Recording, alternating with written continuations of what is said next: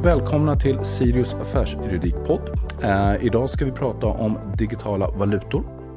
Eh, inte bara därför att man på europeisk nivå har nyligen föreslagit och också trätt i kraft en reglering om kryptovalutor. Utan därför att det är en företeelse som inte förekommer så mycket i Sverige. Eh, men däremot internationellt. Och vi har med oss experter idag som ska hjälpa oss att förstå vad det här egentligen handlar om och hur man kan använda det.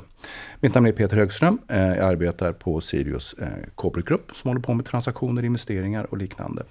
Eh, med mig har jag min kollega Emma Dansbo. Ja, Eh, jag heter Emma Dansbo eh, och jag är också, precis som Peter, partner i vår ma grupp och jag jobbar mycket med ventureinvesteringar och eh, privat M&A.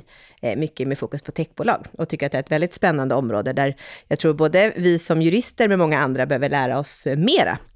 Så precis som Peter sa så har vi två experter med oss här idag eh, som vi hoppas ska kunna hjälpa oss att ge lite bakgrund till de här, till tekniken egentligen, eh, bakom eh, de här begreppen som vi alla slänger oss med och hör, men som vi kanske inte alltid förstår vad de innebär och vilken skillnader det finns mellan dem. Så då har vi med oss eh, Matteo eh, Flores, välkommen hit. Ja, men tackar, tackar. Och Hanna Raftell, välkommen hit. Tack så jättemycket, kul att vara här. Vad roligt. Och jag tänkte be om ni kan ge en kort presentation av er själva inledningsvis, så att vi ja, vet lite mer om vilka ni är. Ja, Hanna Raftell heter jag. Jag har eh, nästan 30 år i traditionell bank och finans. Eh, jobbat i London och Hongkong i många år. Flyttade till Sverige 2016 och eh, tog klivet in i fintechvärlden. Så jobbade på många, flera startups. Ehm, och såg väl då och upptäckte möjligheten med teknologi egentligen. Eh, vad jag såg i fintech var väl att det fanns många fina appar på toppen av legacy-teknologi. Och i det så, eh, men, men egentligen hade liksom inte techstacken ändrats någonting. Eh, så blev jag lite disillusionerad och med det då grävde djupt in i DeFi och blockkedjor och tittade på vad det kunde ge egentligen. Och eh, här sitter jag idag. Jättespännande.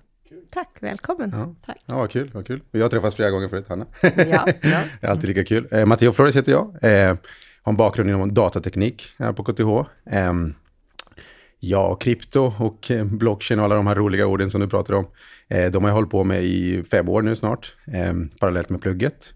Jag har hållit på med det från två håll egentligen. Både från affärshållet där jag jobbar eh, med digitala tillgångar, där jag ansvarar för digitala tillgångar på ett företag som heter Trust Anchor Group som är baserad här i Sverige men jobbar internationellt med digitala tillgångar.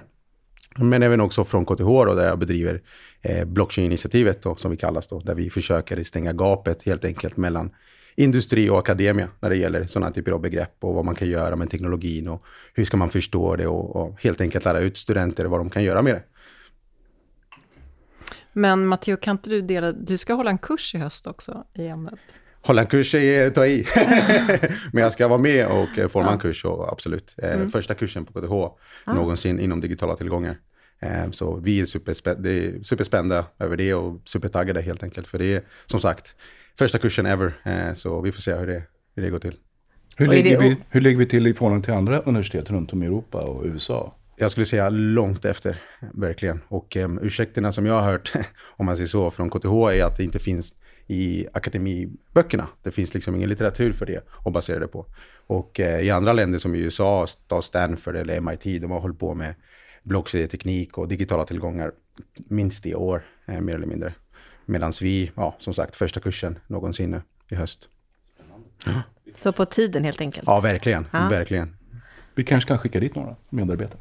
Ja, jag tänkte just, och du pratade om just där, om vi ska börja lite, så pratar vi om digitala tillgångar och digitala valutor. Just det. Eh, är det någon skillnad mellan de begreppen? Vi använder dem lite ja, om, van, liksom om, ja, om vartannat, men som jag förstår det så är det egentligen inte riktigt exakt samma, samma sak man avser med de två begreppen. Precis, precis. Och jag skulle säga att det är en delmängd. Digitala valutor är en delmängd av digitala tillgångar, eh, skulle jag säga då. Digitala tillgångar är ett så brett begrepp som innefattar även tokenisering av tillgångar, eh, men även också kryptovalutor och andra typer av, av, eh, av helt enkelt digitala valutor. Då. Eh, så det skulle jag säga. Då. Men det är likadant med egentligen begreppet blockchain. Blockchain är ju bara en implementation utav distribuerad ledger-teknik som det kallas egentligen. Så eh, jag eh, uttalar mig helst egentligen i de begreppen, digitala tillgångar och eh, distributed ledger technology, för det är ju de begreppen som man använder egentligen. Då. Eh, sen är blockchain en iteration och sen är ju återigen digitala valutor och kryptovalutor en delmängd av det, skulle jag säga. Men jag tycker det är jättebra att vi gör den distinktionen och verkligen reder ut de här begreppen, för att jag tror att många eh, tänker krypto, digitala valutor lika med digitala tillgångar. Och om man tittar då i media nu så, och, och läser om FTX och Silicon Valley Bank och ja, Terra Luna som vi hade också från Singapore här i höstas, eh, då blir det ganska avskräckande rätt fort eh, och känns rätt ogreppbart. Eh, och det, det är synd, för det finns väldigt mycket som vi säkert kommer komma in på här med digitala tillgångar. Men ska vi se om vi kan göra en distinktion då mellan vad som är en digital valuta och en token. Alltså, hur ser man på det? Och, och liksom, för jag förstår att den här mm. blockchain, DLT-tekniken, den ligger bakom framväxten mm. av det här. Det är det man använder för att kunna skapa en massa effektivitet i systemet. Men vad är skillnaden mellan de här två övergripande begreppen? Mm.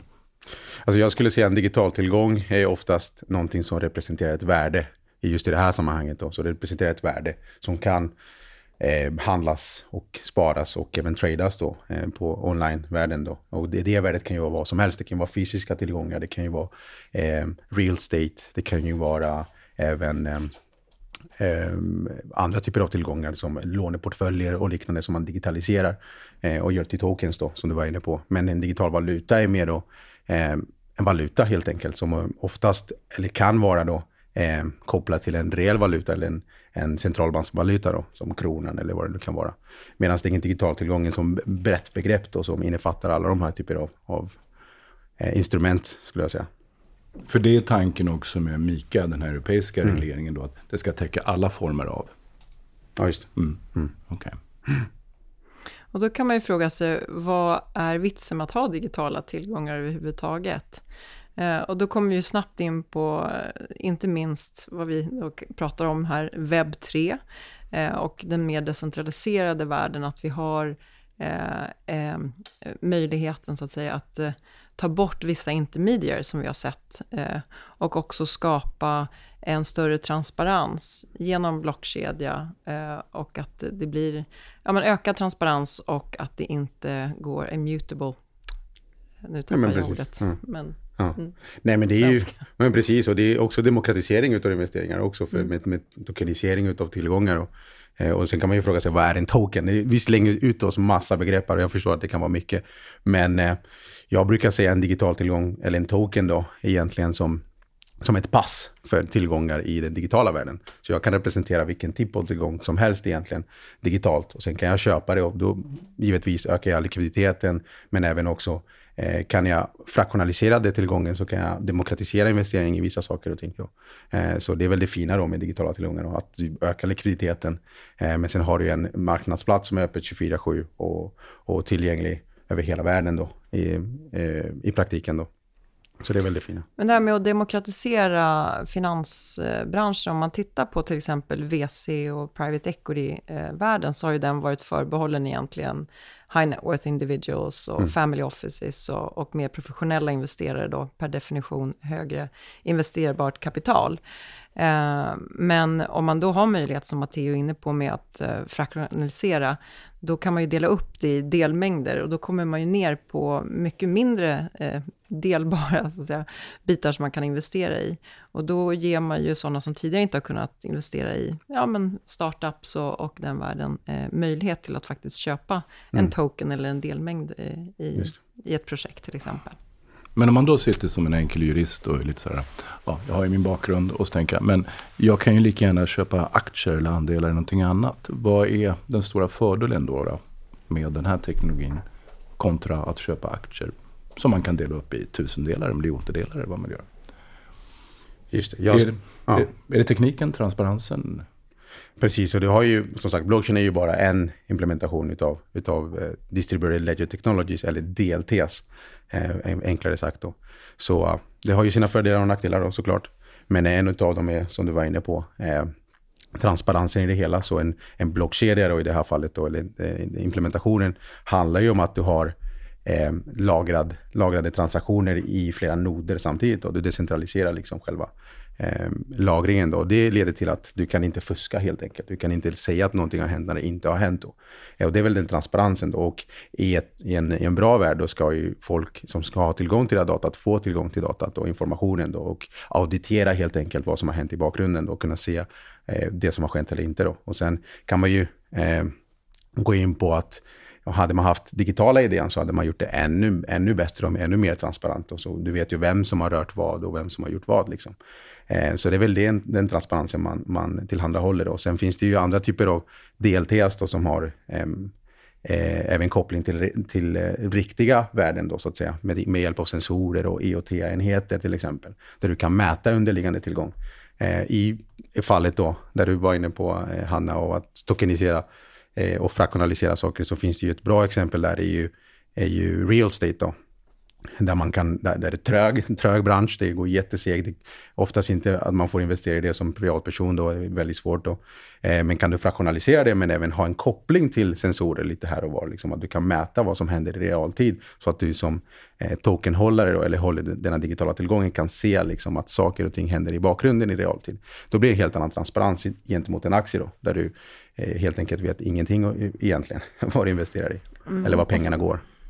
Och hur skapar man den transparensen då? För, för, det, för mig så, som inte är van med den här typen av tillgångar så känns det svårt att se hur det ska bli mer transparent eh, med den där tekniken. Hur, hur rent eh, praktiskt eh, som konsument eller som investerare får jag den, till, den insikten eller den transparensen. Just det. Går det att, att utveckla lite? Ja, absolut. Jag skulle kunna dra ett exempel från ett projekt vi har. Jag har dragit exemplet förut då, men det är ju eh, laxodlingarna som, som finns i Chile till exempel som vi jobbar med. Där har man en laxodling då, kostar ungefär 25 miljoner dollar att utveckla en sån laxodling. Eh, jättestor eh, bransch, marknad, andra största laxmarknaden i världen i Chile då. Eh, och där mäter man egentligen jättemycket. Du mäter pH-värdet, du mäter temperaturen, koncentrationen av, av syre och koncentrationen av saturationen och, och så vidare i vattnet då, för, för fiskan, fiskarnas välmående. Och eh, du som investerare eller potentiell investerare får inte tillgång till det här datat, utan du, ja, förhoppningsvis så, så händer det då. Eh, och, och, så lägger du pengar och så vet du inte egentligen hur fiskarna mår. Men om du skulle ha en digital tillgång då, som blir i det här, i det här fallet då, mer utav en digital tvilling utav odlingen, så kan du investera i någonting eh, som, du, som du vet liksom följer till exempel ESG-målen, hållbarhetsmålen, för du kan se att de odlar på ett hållbarhetsbra Eh, eh, eh sätt. Eh, och så kan du liksom få tillgång till hela den här infra infrastrukturen som redan finns idag, där de mäter och, och, och samlar in data. Då. Men till din fråga Peter om det här med vanliga aktier eller mm. varför man ska ha en token, så helt, nu har vi gått igenom det här med transparens som är en jättestor och central fråga. Men sen är det den här decentraliserade frågan också, för att eh, här i Sverige, ja vi kan som småsparare köpa aktier på Avanza och Nordnet, men det finns ju väldigt många aktier som är utom räckhåll för eh, privatpersoner och då igen tillbaka till mer det privata kapitalet. Och, och då, jag vet inte, du kan väl beskriva närmare också hur, hur det Matteo med det här just eh, laxodlingen eh, faktiskt möjliggör för att mm. fraktionalisera. Ja, men precis. Så där har återigen, det kostar ungefär 25 miljoner dollar och, och där har man ändå brutit upp det i tre steg i det här fallet då, eller tre serier då. Så man har serie A som är 100 000 dollar då, per token egentligen, men du har hela vägen ner till 10 dollar per token. Så då öppnar det upp möjligheterna från folk utomlands, men även också i närheten av den här odlingen, att kunna investera i närodlat eller, eller liksom supporta sina, sina eh, grannar eller liknande. Liksom. Så det öppnar upp den möjligheten också. Eh, och återigen, då, de som köper en, en sån här typ av digital tillgång får tillgång till underliggande ehm, eh, mätvärden och underliggande data som finns i den här laxodlingen. Så du kan se, bara ett exempel, eh, om saturationen går under 80 procent och så, så mår fiskarna jättedåligt och kan dö ganska snabbt.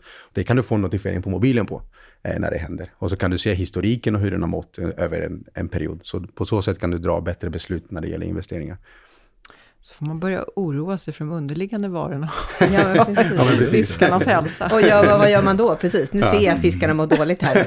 Ja. Kan jag då gå ur min investering? Alltså, ja, tanken är ju, rent praktiskt ska du kunna göra det då, precis. Men det är kanske inte så schysst. Ja, andra personer som köper det kommer ju kunna se samma data. Samma så sak. Det, så det blir precis. transparent i precis hur precis. den här tillgången som ligger under, hur den, hur den mår och vad den... Precis. Ja, men det vad är kvaliteten också... är på den, helt enkelt. Ja, men precis. Och det är också viktigt som du var inne på, hur hur skapar man transparensen? För inom krypto eller vanlig blockkedjeteknik då, som, som, är, som är där ute, tänkte jag säga. Men eh, där har man egentligen inga identiteter egentligen kopplat till saker och ting. Så hur säkrar du den, den här underliggande tillgången egentligen? Hur vet du att det är jag som äger den? Eh, och inte en plånboksadress. Eh, liksom. Och det är väldigt viktigt också. Så man, man måste jobba någonstans där med, dig, med digitala idén. Och sen vi kommer gå in på det förmodligen, men smarta kontrakt. Eh, de är varken smarta eller kontrakt egentligen. Så, så, så det är också hur, hur säkrar man eh, underliggande tillgången eh, mm. på bästa sätt då egentligen. Och det, är, ja, det finns ju flera approach till det, men eh, digitala idén är en, en sån typ av, av, lite grann som Bankeria Freja då. Eh, eller vår implementation då, som heter eh, NeuroID då, som man använder då för alla typer av transaktioner. Så varje transaktion du ja, genomför signerar du med ditt ID då, helt enkelt. Lite som ett bank-ID? Precis så. Mm. Så. Att jag, man vet vem jag är och jag kan se vilka andra är också i en transaktion som görs. Mm. Ja, om du har tillgång till det datat, precis. Mm, just det. För annars kan ju jag tänka att det känns som att transparensen inte blir större kanske mm. i vissa av de här tillgångarna jämfört med hur det blir i en, vid en aktieförsäljning. Mm. Det är kanske svårare beroende på hur, man, hur den där, hur det underliggande, dels i förhållande till den underliggande tillgången, men även i förhållande till eh, tidigare transaktioner, hur jag förstår det eh, mm. som konsument. Men det kanske bara är min okunskap kring tekniken så. Eh, förstår ni min fråga? Att det är svårt att, att se transparensen eh, från mitt perspektiv som konsument när man kommer in i en sån investering. Ja, för det är både den från konsumentens perspektiv, men också som du var inne på, eh, eller som Mika väldigt mycket inne på, det här med just AML, då, Anti-Money Laundering och KYC yeah, Know Your precis. Client, att det är ju ett krav hos Mika, att mm. man ska veta också att det inte bara är ett eh, ID-nummer någonstans i någon plånbok någonstans, utan det ska vem? finnas vem, mm. ja, man ska mm. veta vem. Ja, men jag förstår verkligen. Alltså, samma sak med återigen smarta kontrakt. Det är ju kod. Hur ska du som konsument dra slutsatsen att den här smarta kontrakten ska hålla då i mina pengar? Liksom? Och, och nu, nu, slänger jag ut med smarta kontrakt, då, men det är ja, eh, som namnet försöker tyda på. Då. Egentligen är det kontrakt som, som eh, är självutförande helt enkelt, som kör sig själva då, beroende på, på eh, villkor. Då. Jag brukar jämföra det med, med en varuautomat. Stoppar du in rätt mynt så kommer det ut en kaka. Eh, om mynten är rätt då. Så smarta kontrakt är väl är ungefär samma princip då. Gör, händer det en sak så händer det någonting annat. Och, men återigen, det är ju kod för det mesta då. Eh, I nästan alla implementationer. Så hur ska du som konsument kunna läsa det och dra slutsatsen att ja, men visst, om jag köper den här tokenen så kommer jag få en, en, eh, ett underliggande tillgång eller vad det nu kan vara. Om jag förstod MIKA-regleringen då syftar ju till att dels skapa naturligtvis en enhetlig reglering i alla medlemsstater men också den här transparensen. Men också ska vara tryggheten då för konsumenter och investerare genom nya governance-regler, code of mm. conduct och så vidare. Just för att fånga upp de här frågorna som vi just diskuterade. Då, då. Eh, men kom tillbaka till den här frågan om hur används det då. Jag, jag läste att i ja, 2022 så var storleken på den här marknaden ungefär en triljon US-dollar. Man räknade till 2027 att den skulle vara 30 triljoner US-dollar. Var tror ni tillväxten kommer vara? I vilken typ av projekt? Svår fråga naturligtvis, mm. men... Mm. Nej, men jag ser det, alltså mycket, man har ju sett mycket mm, reella tillgångar. Det tror jag verkligen på. Så när du tar reella fysiska tillgångar och tokeniserar dem och gör dem handelsbara på ett helt annat sätt. Eller till och med hittar, det som är det roliga med mitt jobb också, då, att hitta tillgångar som man slänger iväg helt enkelt hela tiden som du inte ser, men du kan egentligen digitalisera dem eller tokenisera dem och kunna sälja dem och tjäna pengar på dem. Ett exempel, eh, vi på Trust Anchor Group då har en, en, eh, ett projekt som heter Bagoo, där personer reser ju. Oftast får man kanske rätt till två väskor eller en väska, men du använder oftast kanske inte hela. Då.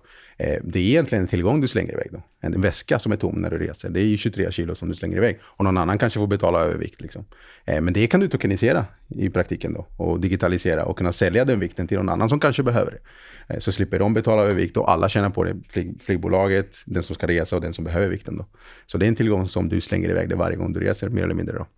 Det är ett väldigt bra konkret exempel. Mm. Då fattar man att det, det, finns egentligen inga begränsningar när det gäller vare sig tjänster eller tillgångar som man skulle kunna få in i det här systemet. Frågan är bara, finns det intresse för det? Naturligtvis, som alltid. Mm. Och det som jättemånga har tittat på länge och nöt som man försöker knäcka, det är ju eh, data. Alltså hur kan vi monetize data? Och det finns ju oerhört mycket datapunkter hos alla företag. Eh, och det är ju idag oftast en intangible asset. Alltså den finns inte på balansräkningen. Eh, och jag tror att det kommer komma större krav ifrån aktieägarens håll, att faktiskt se till att eh, företagen helt enkelt tar hand om den här datan och gör någonting av det. Eh, och där ser vi också jättestora möjligheter, så det tror jag är en del som kommer fida in i de här trillion dollars. Men sen ser jag ju också från finansbranschens sida ehm, att det, det som kanske skiljer bank och finans är ju att det är en sektor som, precis som juridik, ligger i alla andra sektorer på något sätt. Eh, alla behöver ju liksom hantera pengar på en eller någon typ av valuta på ett eller annat sätt. Eh, och där kommer vi också in att eh, det finns enorma möjligheter just inom bank och finans också. Det är spännande också att höra hur känns det, den traditionella bank och finansbranschen eh, kring de här frågorna? Känns det som att det finns en, ett intresse eller en mottaglighet att, att lära sig mer och förstå vad det innebär? Eller känner man sig mest eh, som att det är något nytt mm. som, som hotar och kan ja, men jag skulle säga både och faktiskt. Eh, och det skiljer sig också mellan olika, eh, olika länder. Eh, men om man tittar på i USA, där man ligger längre fram i det här området, så har ju de stora amerikanska investmentbankerna absolut börjat eh, liksom, ta i det här på ett helt annat sätt nu än vad de gjorde för bara tre år sedan. Eh, så jag tror att alla där är överens om att det här, it's here to stay. Eh, sen kan jag tycka här i Sverige att det, har, det, det ligger efter.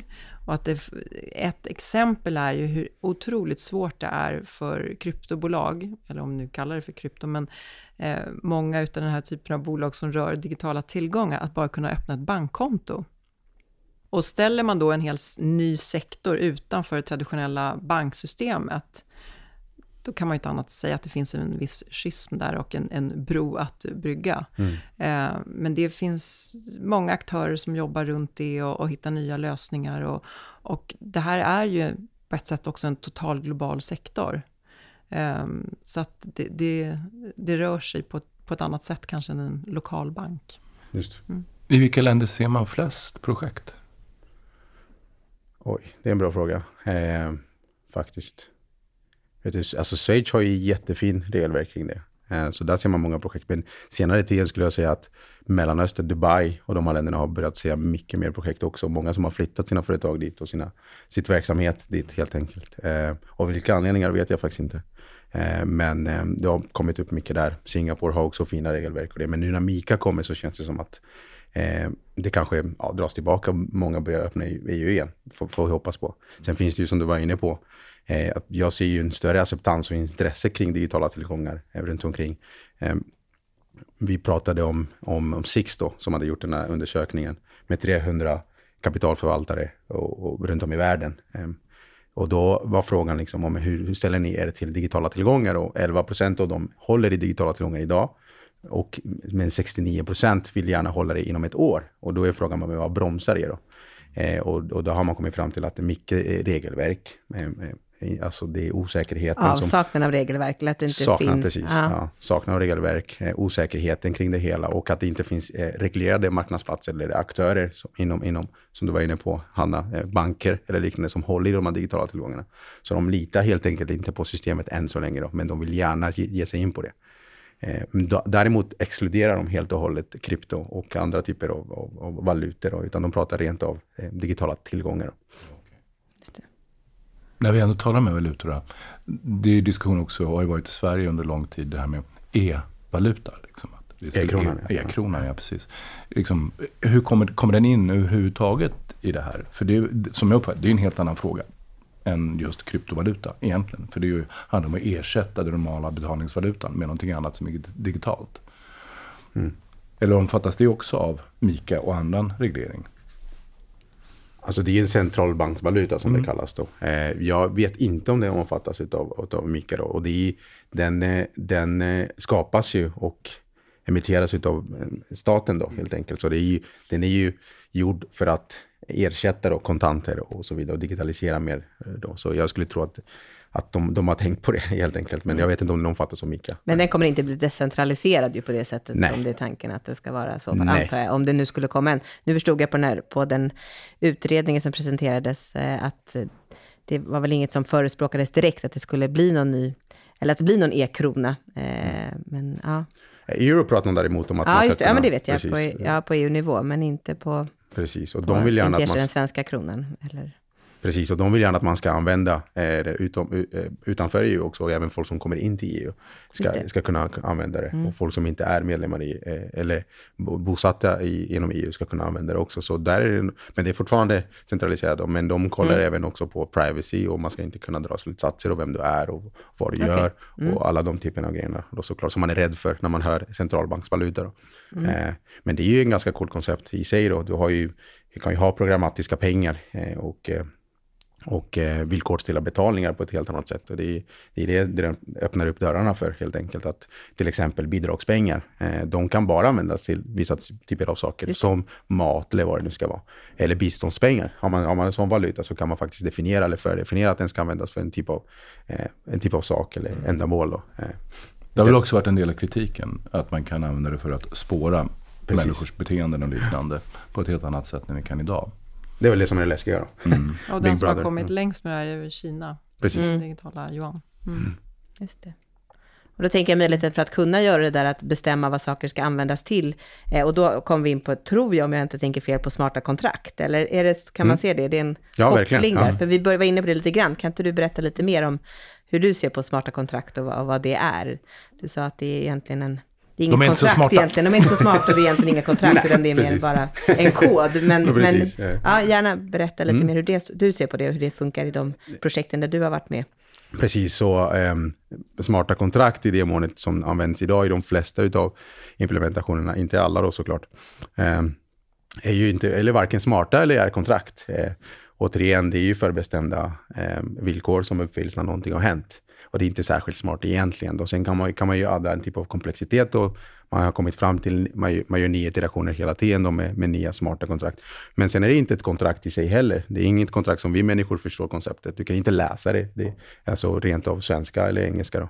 Um, så på så sätt är det inget ett kontrakt. Men egentligen då, vad är ett smart kontrakt? Och det är en, ett självutförande kontrakt. Och så återigen, eh, så jag brukar för, eh, jämföra det med en varuautomat. Eh, om jag stoppar in ett mynt som passar så får jag en kaka. Liksom. Och det är ungefär så eh, ett smart kontrakt fungerar. Det, om någonting händer så händer någonting annat. Om jag betalar Hanna eh, 10 eh, bitcoin, säger vi då, så ska jag få, så ska jag få eh, någonting annat i, tillbaka. Då. Så på så sätt kan man automatisera och decentralisera mycket av utav handeln. Då. Så man, det, det möjliggör mycket saker, till exempel att kunna handla med folk som, som, som man kanske inte litar på. Eh, för traditionellt har man satt en tredje person eller en bank emellan. Då. Men nu kan du sätta ett smart kontrakt emellan. Då för, för, ja, om du kan läsa det och förstå det så kan du se liksom, om, om A händer så måste B hända. Och det kommer hända, för det är återigen lagrat på en, en, DLT då, eller en blockkedja. Eh, där, där man kan se eh, loggen av transaktioner och händelser. Då, så man kan se om någon har försökt göra någonting annat eller, eller liknande. Eh, så det är det som, som decentraliserar och automatiserar vissa processer. Då. Men en intressant fråga är ju där, vem är det som skriver villkoren då? För eftersom det här smarta kontraktet ändå är en rad olika villkor. Så det kommer ju tillbaka till att eh, någon Lita på någon, ja. Mm. litar på någon. Ja. Och förstå, tänker jag också. Alltså jag tänker lite tillbaka på transparensen, att jag, om jag inte kan läsa koden som den bygger på, så har jag svårt att förstå vilka villkor som finns där, tänker jag. Så det kommer ju, då måste någon ändå presentera det för mig, Mm. antar jag. Mm. Eh, Det blir en kunskapsglapp där, eller är Det, det... det är kunskapsglapp och det är, är det nog eh, överlag i, i den här industrin just nu, absolut. Eh, och mycket kommer tillbaka till just tillit. och vi har ju en enorm tillit till våra banker och banksystemet idag. Eh, och då är det hur, hur bygger vi upp den här tilliten? Men jag brukar likna det lite med också en iPhone. Vi alla går runt med smartphones och egentligen, vi vet väldigt lite om den här telefonen och dess teknologi. eh, Och vad, men vi använder dess appar och vi använder funktionaliteter som den erbjuder. Och det funkar rätt bra. Mm. Så vi har en enorm, vi har ändå rätt lätt när vi väl har fått den där, kommit över den där hörden att använda saker och ting som Mm. vi faktiskt inte heller förstår. Nej, men så är det absolut. Mm. Men det handlar då mycket om tilliten kanske, som där det finns lite att göra eh, i den här, Absolut. Det, den här det, tekniken. det tror jag. Och det var jätteintressant när jag var i Hamburg på det. 2023 här förra veckan. Eh, tre dagar fullspäckat med jättemånga spännande bolag och projekt. Och då pratades det just väldigt mycket, hur får vi upp mass adoption? Eh, och hur bygger vi tillit? Eh, och det är ju alla rungande eniga om att hela branschen måste ta sitt ansvar i att göra det lättare. Man kan kanske inte be sin mormor eller farmor sätta upp en metamask-wallet eh, eh, och börja både liksom stejka och... Du har inte träffat min mamma? Nej, Peter, jag har inte. Talar bara för egen bok här. ja, men helt enkelt, det finns en del att göra. Mm, mm. absolut. Och, eh, ligger Sverige, tycker ni, liksom, ligger vi generellt sett efter när det gäller både den här allmänna kunskapen och, och an, vi, vi har pratat om att det inte finns några projekt i Sverige, eh, några större så. Ligger vi generellt sett efter eller är det, är det så att vissa specifika marknader ligger före och att vi är på någon slags normal, ja, normal nivå. Liksom, ironiskt så. nog så tror jag att vi har haft det lite för bra, för vi fick BankID och vi fick Swish ganska tidigt. Och det gjorde att vi kände att det här funkar, det här var ju riktigt, riktigt bra. Och då känner man inte samma behov. Men sitter du i Afrika eller sitter du någonstans i Sydostasien där du har gått på Mobile Banking först. Du har inte haft något bankkonto någonsin. Du har aldrig fått låna till ett hus och så vidare då är du nog mycket mer benägen att, eh, så att säga, anamma den här teknologin. Och det ser vi ju att adoption rate där är snabbare och det har ju gjort eh, att jag tycker vi ska ändå sitta upp och lyssna, för det finns exempel att ta av här. Eh, och det, risken är ju att vi halkar efter. Så vem är det som då jag förstår din tänk där med, med Afrika och andra länder som inte är bundna i en fast infrastruktur. Då. Det har vi sett på många områden.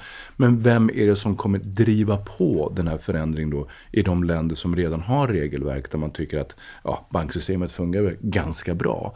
Är det de som utvecklar projekt? Är det det finansiella systemet som ska stå som liksom påhejare? Och då måste det finnas någonting för dem. Den yngre generationen. Den yngre generationen. Jag skulle säga precis en blandning utav det också. Eh, vi har ju projekt i Brasilien och där kan man, om man, om man pratar om Switch då, de har ju motsvarigheten till, till Switch som, som kallas för Pix då. Eh, och vem drev det? De fick 80% penetration i marknaden. Det var ju Riksbanken då. De sa vi alla ska använda Pix nu. Eh, och det var ju Swish då för, för dem i Brasilien då. Och då var man tvungen att använda det. Liksom. Och anledningen där var ju för att de ville komma åt skatt till exempel. Mycket enklare att, att se eh, vart man ska skatta och så vidare.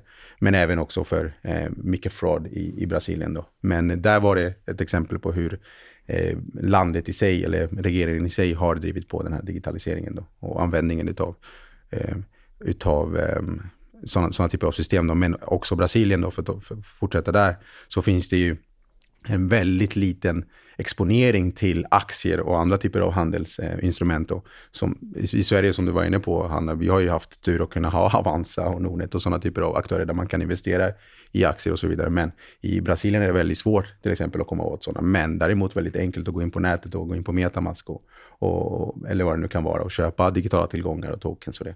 Så, så de två grejerna liksom har varit, eh, i alla fall i Brasilien, eh, viktiga nu har vi pratat mycket så positivt med den här utvecklingen och så, men det är bara spännande att höra, vad, vad ser ni för risker liksom, med eh, den här nya tekniken? Och det har, att det väl funnits en, en, eh, en känsla av att det varit lite liksom, cowboy och lite mycket risk för konsument och nu kommer ju mer och mer regleringar och så. Men, men vad ser ni framöver? Vad ser ni för risker eh, med användningen av tekniken?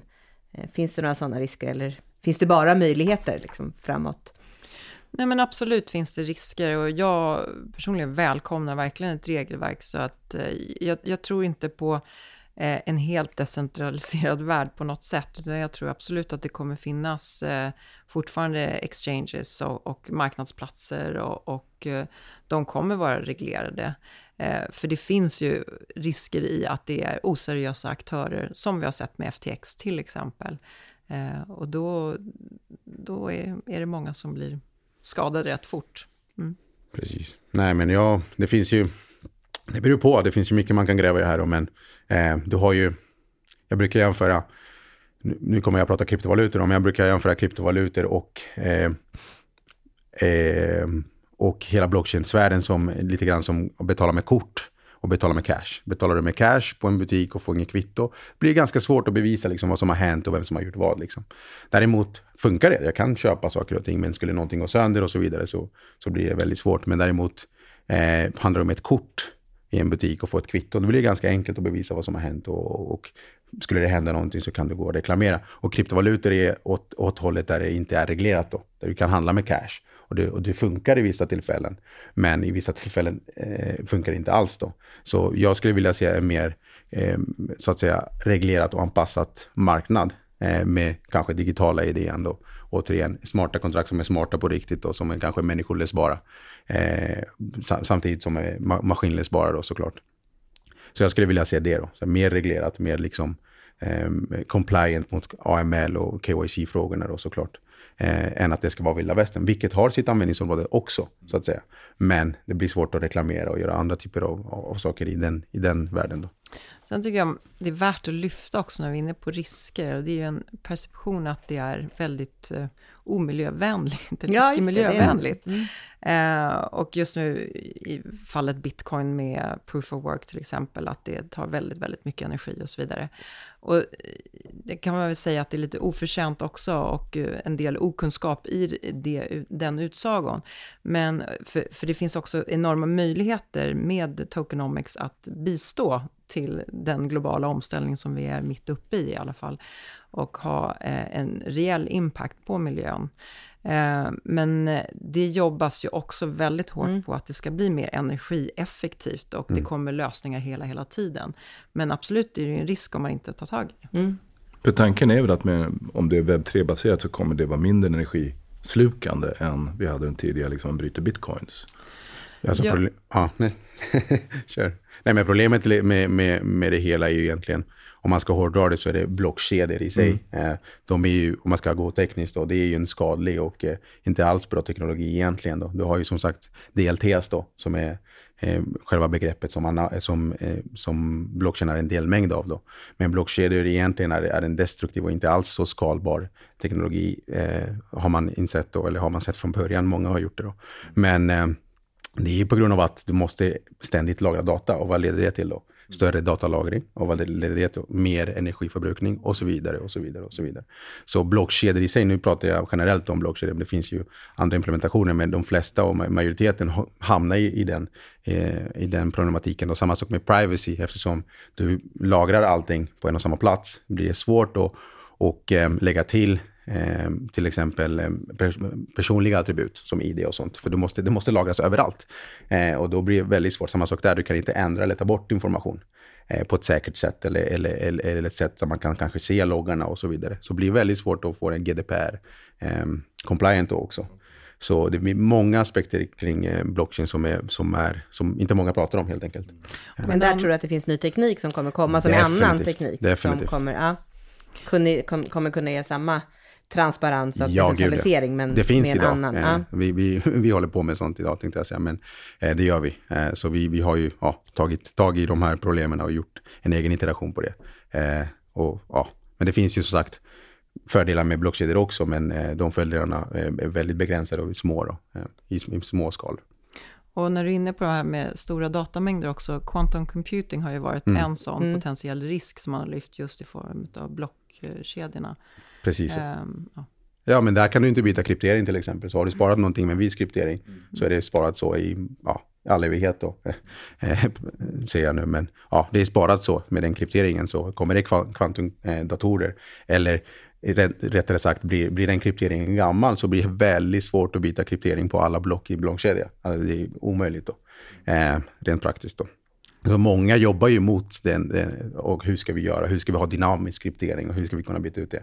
är någonting som man tycker borde tänkt från, från början då egentligen. Då. Eh, så det finns ju återigen många aspekter varför blockchain är, är dåligt då, men den har som sagt sina användningsområden. Så den tekniken börjar nästan bli gammal, kan man säga så? Ja, jag, jag skulle jämföra det som, som Loket när det kom ut. Mm. Eh, jättebra och, och liksom bra initiativ och det funkade liksom, men vi måste gå vidare. Mm. Mm. Och då är det viktigt att den reglering som vi nu inför runt om i Europa, antingen EU-baserat eller någonting annat då, är tillräckligt dynamisk för att hantera teknikutvecklingen. Ja, alltså som jag har förstått det i de diskussioner jag har haft kring Mika, eh, är att de verkligen går på blockkedjor. Mm. Eh, inte deltas i generellt då, utan blockkedjor specifikt. Alla som har någon typ av konsensusmekanism, då, nu slänger jag ut mig eh, tekniska ord, men eh, alla typer av blockkedjor mer eller mindre har de gått ut och, och knackat på, eh, och det, vad det verkar som. Spännande. Spännande. Jag tänkte bara när det gäller praktiska exempel. Du nämnde det här förut med laxodlingarna i Brasilien. Spännande. Eh, som är då liksom en, en fysisk tillgång. Mm. Finns det något exempel på en, en tjänst? Någonting annat? Du nämnde förut handel med utsläppsrätter och liknande. Ja men precis så. Precis så. så vi har en annan eh, projekt i Sverige då. Eh, men som har kunder globalt då. Eh, Daman Criturner heter de. De har en underliggande tillgång och det är en underliggande process. så att säga. De tar biomassa och eh, omvandlar det till eh, biochar eller biokol. Då. Jag brukar kalla dem för eh, omvänd gruva, Jag skojar med dem lite grann. Men de tar bokstavligt talat biomassa och skapar kol utav det och genom pyrolys och så vidare. Och av det så man, kan man skapa eh, CO2-krediter då. Och ett stort problem inom CO2-kreditvärlden har ju varit double counting, att man räknar dubbelt, eh, greenwashing. Man vet ju liksom inte vad som händer. I, för något år sedan kom ut en studie i Kalifornien till exempel, där man har planterat jättemånga träd och har, man har kollat på dem eh, under en tioårsperiod och så har man sett att det gjorde inte så mycket för miljön ändå. Eh, så många sådana projekt har vi sett. Och varför återigen då? För du har inte tillgång till informationen underliggande. Du vet inte vad som händer, du har inga sensorer, kanske någon som tar en bild lite då och då. Eh, men du, har, du kan inte mäta det exakt. Men eh, deras metod kan man mäta på exakt ändå. Vikten av kolet motsvarar x antal koldioxid som hade släppts ut. Då. Eh, och det, vi hjälper dem med att skapa egentligen en transparent logg utav allt som har hänt. Koppling till IoT-sensorer som man kan mäta och se i realtid vad som har hänt. Vart i processen är vi någonstans? Eh, och, eh, och mäta helt enkelt hela processen. Då. Så den som köper in en sån här ehm, eh, CO2-kredit får ju även då en token och får då tillgång till hela underliggande information. Så de kan vara säkra på att okej, okay, jag har verkligen kompenserat eh, klimatavtryck här på riktigt. Spännande. Mm. Jättebra exempel. Eh, liksom det blir avmystifierat lite grann när man får de här konkreta exemplen, vilka turker är väldigt bra. Väldigt bra. Jag tänker att vi kanske ska börja avrunda här snart, men det vore spännande att bara vad, titta lite framåt. Vad, hur ser ni på utvecklingen? Om man tittar både kanske Sverige, vad, vad, behövs och vad gör vi i Sverige och hur kommer vi, hur kommer den här, eh, hur kommer, det, hur kommer utvecklingen se ut i Sverige och även gärna lite globalt hur ni tycker, ja, vad ni tror framöver. Eh, vi har pratat om att det är en enorm marknad, att det finns jättemycket möjligheter, men vad behövs och hur kommer det se ut? Ja, men för mitt perspektiv, jag välkomnar Mika och jag ser fram emot att alla dessa strävande entreprenörer och initiativtagare fortsätter med sina projekter. Och eh, jag tycker Tag har varit föredömlig och, och superspännande att få följa Matteo och teamet på, på Trust Anchor Group. Um, men sen också att investerare också eh, tittar på området och jag hoppas igen då att Mika kommer bidra till det. För jag tror att det kommer ge en, en eh, lugnare och tryggare marknad så att säga för att möta både kapitalet, investerarna och eh, projekten. Jag tror, ja, jag håller med och tack, tack för eh, de fina orden tänkte jag säga. men eh, ja, nej, men jag tycker också att man måste gå bort från all, alla de här konstiga begreppen som man lägger ut sig hela tiden. Och blockchain och smarta kontrakt och NFT, alltså tokens. Jag tycker det blir för komplicerat. Istället prata om automatisering, skapa transparens, liksom hela den biten eh, kring saker och ting och processer och så vidare. Eh, återigen, det vi gjorde på Criturner. Vi skapar en transparent logg och transaktioner och göra gör det auditerbart och så vidare. och så vidare. Behöver inte, man behöver inte slänga ut sig webb 3 eller tokens eller NFT eller blockkedjor eller DLTs. Det blir för komplicerat och svårt att svälja för många. Men när man drar ner det till automatisering, optimisering, så börjar folk förstå. Jag tycker vi borde röra oss ditåt istället. Spännande. Och eftersom det nu är i sin linda på något sätt, även om det har funnits så lång, många år då i flera andra länder så skulle jag se kul att återkomma lite senare och ha ett nytt samtal kanske. Slutet hösten till början nästa år för att se, okej okay, vad har hänt i Sverige? Har vi några nya projekt? Har vi några nya tankar? Eh, vad säger Finansinspektionen och så vidare. Så att eh, det finns en fortsättning i det här. Absolut. Ja, vad kul. Jättespännande och stort tack för att ni ville komma hit och dela med er av er kunskap. Ja, men tack oss. för att du fick komma och föredömligt av er att eh, öppna upp för vidare utbildning på området. Så stort tack till Sirio. Ja, verkligen. verkligen. Supertack. Kul att er här.